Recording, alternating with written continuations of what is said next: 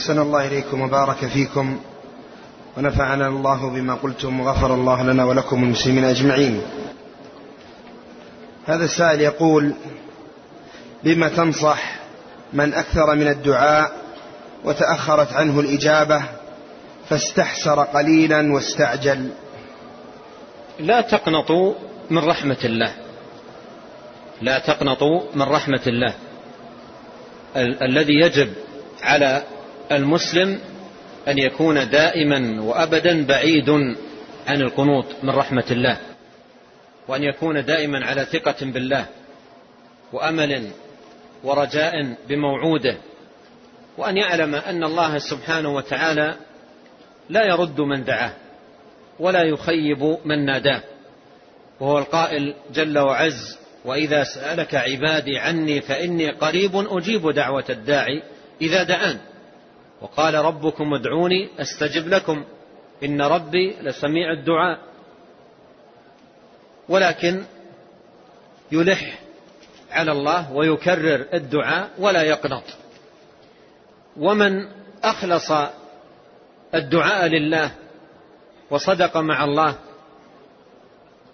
وكان في دعائه على ثقة بالله تبارك وتعالى ولم يدعو بإثم ولا قطيعة رحم فدعوته مستجابة. دعوته مستجابة. وهو إما أن يعطى ما سأل أو أن يصرف عنه من السوء مثله أو أن يدخر له ذلك ثوابا يوم القيامة.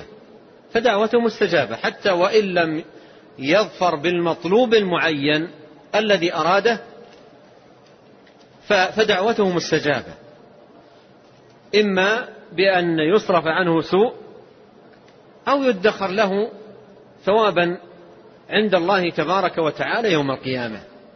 ولهذا ينبغي عليه أن يكثر من السؤال والنداء يا رب ويذكر حاجته ويلح على الله سبحانه وتعالى. ومع التكرار ودوام السؤال واللجوء إلى الله وتحري أوقات الإجابة والإقبال بالقلب على الله ادعوا الله وأنتم موقنون بالإجابة يحصل الإنسان خيرا كثيرا وفضلا عميما في دنياه وأخراه. رفع الله قدركم. هذه أسئلة كثيرة جاءت في كيفية التعامل مع الزوجة الكافرة. الزوجة الكافرة لا تكون إلا كتابية. والله عز وجل أحل نكاح المحصنات من نساء أهل الكتاب. أحل ذلك. وتكون المعاملة معها في الأمور الظاهرة بحسن المعاملة وحسن المعاشرة وتأليف قلبها وإعطائها من حاجاتها والنفقة عليها في طعامها شرابها لباسها غذائها.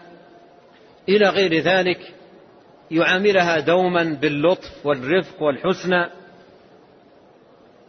وكل هذه الأمور مع الحرص عليها والوفاء بها قد تكون سببا في إسلامها. ودخولها في هذا الدين. فهذه هذه المعاملة هذه المعاملة. وفي قلبه يكون مبغضا لها لكفرها بالله سبحانه وتعالى. لكن جائز له مثل هذه المعاشرة ولا تنافي. مثل ما قال النبي صلى الله عليه وسلم صلي أمك صلي أمك. فكونها تصلها لا ينفي لا ينافي